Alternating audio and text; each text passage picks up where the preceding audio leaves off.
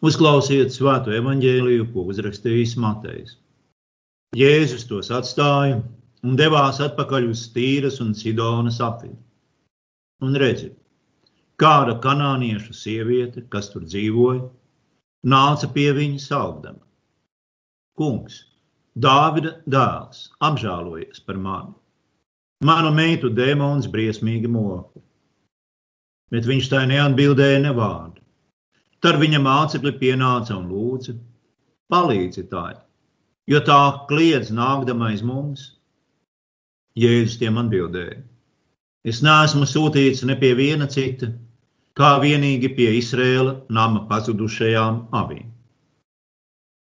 Bet sieviete pienākusi klāt, nometās ceļos viņa priekšā sacīdama: Kungs, palīdzi man! Viņš atbildēja: Nav labi, bērniem domāto maizīti nomest sunīšiem. Jā, kungs, viņa sacīja, bet sunīši ēd druskas, kas nobīrs no viņu kungu galva. Un tad Jēzus viņai atbildēja: Ak, sieviete, tava ticība ir liela, lai notiek, kā tu vēlies. Un tajā brīdī viņas meita kļuva vesela. Āmen.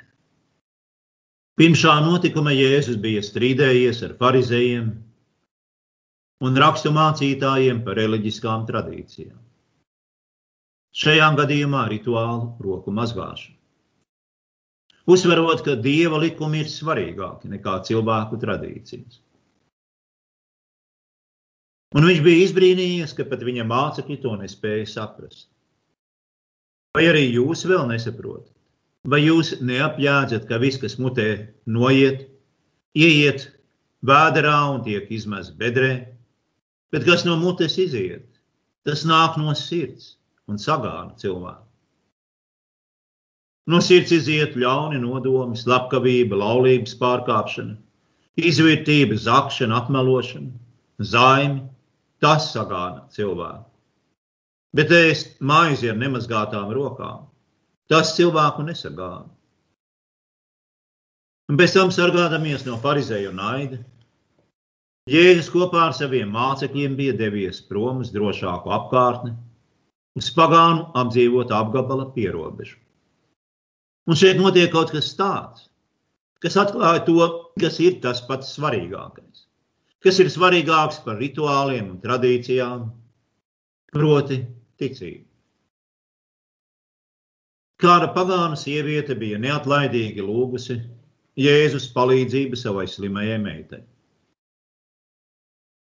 Mācekļiem šķita, ka viņai ir nekaunīga, uzbāzīga, un tie mudināja Jēzu ātrāk tikt no viņas vaļā. Lai viņas saceltais troksnis nepiesaistītu apkārtējo uzmanību. Stāsts beidzas ar to, ka Jēzus dziedina sievas slimo meitu un cildina viņas ticību. Neko tādu viņš nebija sacījis pat par saviem mācekļiem. Patiesībā viņš laiku pa laikam bija norājis viņa masticību. Bet šo sievu viņš slavē un cildina, un cildina par viņas lielo ticību. Iedomājieties sevi pirmo reizi mūžā atnākam uz baznīcu. Atnākam, lai lūgtu palīdzību savam bērnam, un mācītājs jums saka, suns esi tu. Suns tavs bērns, suņi tavi rādi kaimiņi un draugi es tev neko nedošu. Šādos gadījumos neticība, lepnības un augstprātības uzkurināta ņem virsroku. Turpretī šī sieva neiet prom, uzmetusi lūpu, bet saka, labi, lai jau esam suņi, bet arī suņi ēd to, kas nokrīt no saimnieka galva. Un šajā brīdī Jēzus būs plati smaidījis par šīs sievietes ticību. Tā nebija kaut kas vienkāršs un parasts. Jēzus noraidoša attieksme viņai būs bijusi īsts krusts. Jo nav nekas briesmīgāks kā tas, ja tevi atraida Dievs. Šādos brīžos sirdī uzmācas elles bailes, kuras pārvarēt spēja vienīgi ticība. Neatlaidīgi palikdama pie cerības un paļāvības uz Dievu. Nevelti vēstule ebrejiem vesela nodaļa ir veltīta ticības slavināšanai. Šeit Izraēla patriārhu un svēto dzīves tiek cildinātas nevis viņu reliģisko tradīciju un vareno darba dēļ, bet tādēļ, ka šie darbi bija darīti ticībā. Ticība ir cerības pamatā. Tā pārliecina par neredzamām lietām. Ticībā mūsu priekšgājēji ir saņēmuši dieva atzinību. Bez ticības nav iespējams dievam patikt. Tātad pēc būtības visa cilvēka dzīve ir cīņa starp ticību un neticību. Neticības raksturu vispilgtāk redzam pie jūdas. Jūdas ir cilvēks ar augstiem nacionāliem un reliģiskiem ideāliem. Šo ideālu dēļ viņš bija atteicies no dzīves drošības, īpašumiem un naudas, un sācis sakot Jēzu. Neuzmetiet lūpu to dzirdot, bet salīdzinot ar mums, Jūdas patiesi bija īsts svētais, kuram mēs nestāvam pat tuvu. Tomēr Jēzus lika Jūdasam vilties. Ja viņš negrasījās īstenot Jūdas ideālus, un kad cerības zuda, Jūdas izvēlējās kaut ko taustām - 30 sudraba grašus. Jo augstāk cilvēka prāts klejo pa debesīm, jo rupjākas un zemākas ir tās lietas, pie kurām viņš tveras tad, kad augstie ideāli brūk. Pašizdomātas lietas, vienalga cik augstas un cēlas tās šķiet, nekad nevar kļūt par kaut ko vairāk kā pazudinošu neticību. Un šeit mēs redzam milzīgu kontrastu starp pavisam zemu, jūdu izpratnē nešķīstu pagānu sievu un Jēzus apakstu, kuram ir augsti ideāli, ārēji nevainojama dzīve un kurā deg diženas nacionālas cerības.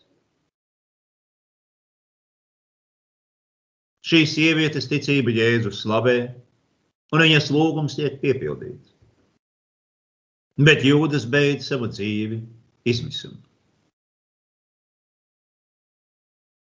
Jūdasam Jēzus ir tikai rīks. Rīks, ar kura palīdzību īstenot savus diženos, nācijas glābšanas plānus. Turpretī pagānu sievietes ticība zina, ka Jēzus ir žēlsirdīgs un labs, tāds, uz kuru var pilnībā paļauties.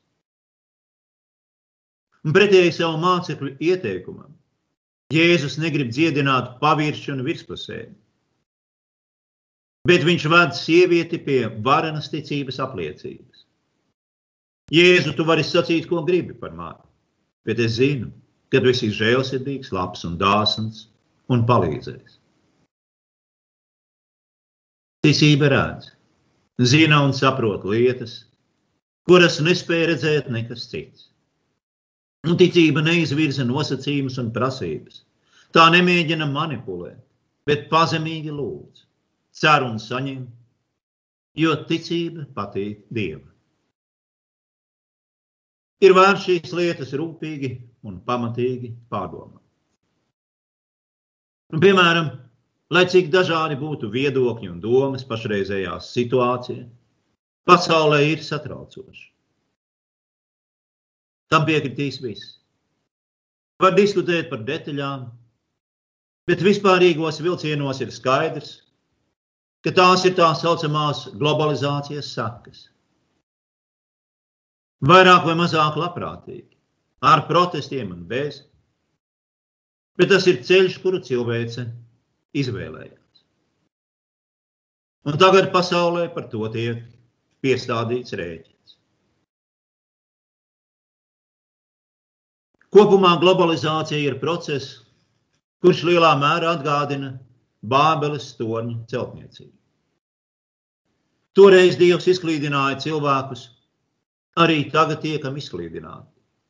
Citādi, bet izklīdināt. Bez šaubām tas nevar būt viegls un nesāpīgs process.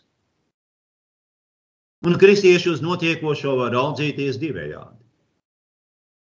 Proti, tie var līdzīgi jūdasam mēģināt diktēt dievam priekšā, kas viņiem jādara, vai arī līdzīgi pagānu sievai tie, neraugoties uz visu, var apelēt pie Jēzus žēlsirdības un labestības un cerēt uz viņa palīdzību.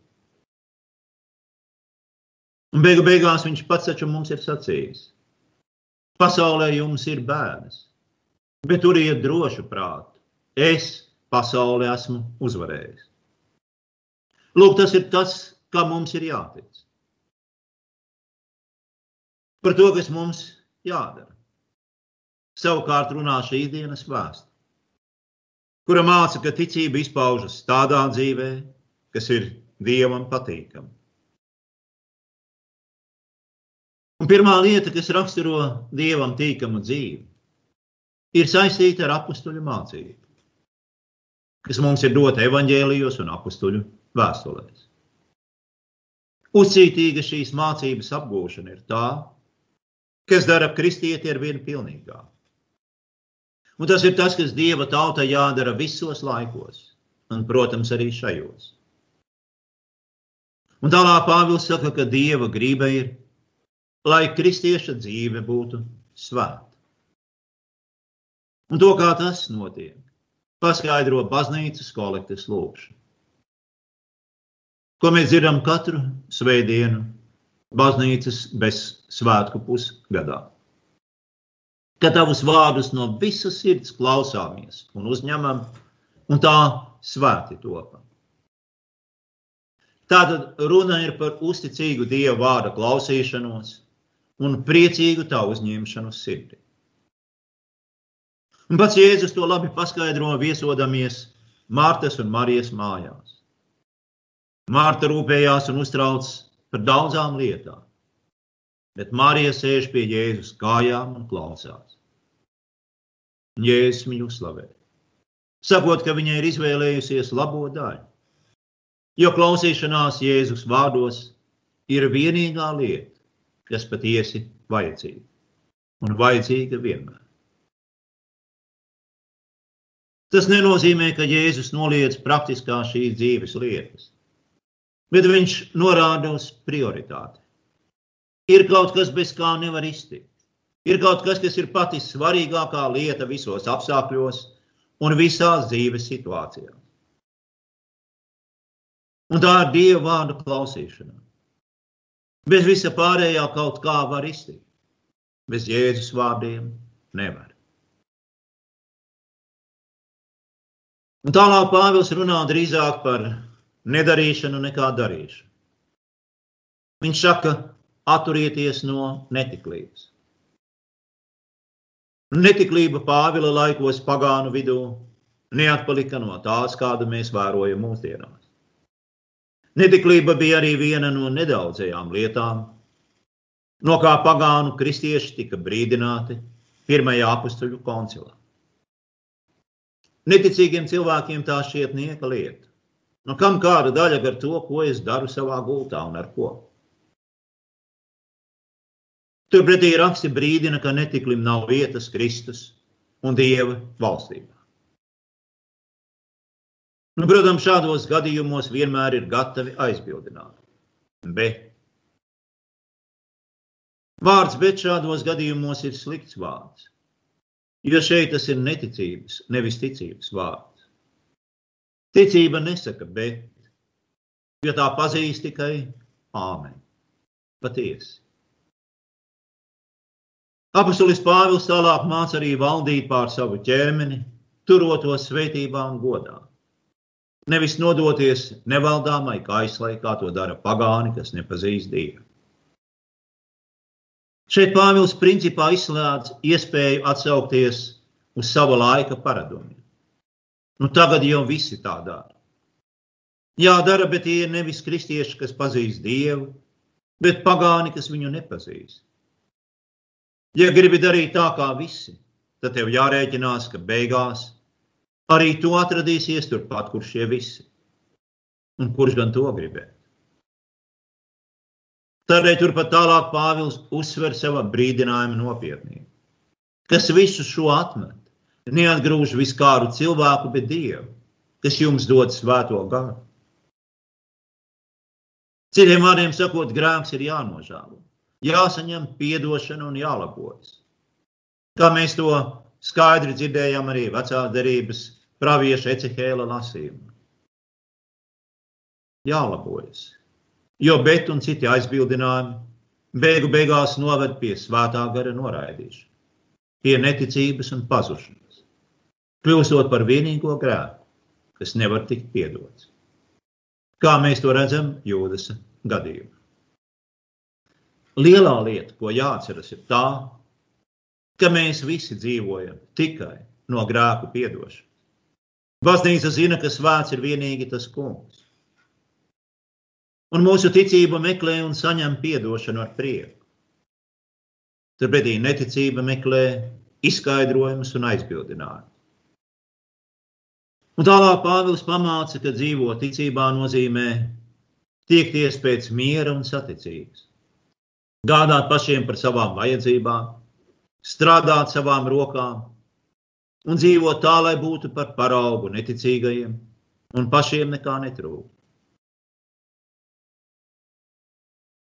Šīs pirmajā brīdī vienkāršās lietas nebūtu nav vienkāršas. Jo šeit atkal skaidri parādās ticība un neticība. Neticība mudina cilvēku apliecināt pašam sevi. Mūsdienu pasaulē tas tiek mācīts no bērna kājas un skandināts visu dzīvi, katru dienu. Tev jābūt pirmajam, tev jābūt labākajam, tev pienākas, tu esi gudrākais, skaistākais, stiprākais. Tev jābūt dievam vai rasnam vai vēl kaut kādam. Sabiedrībā, kura dzīvo pēc šādiem principiem, cilvēki ir nelaimīgi. Un citādi viņi nevar būt.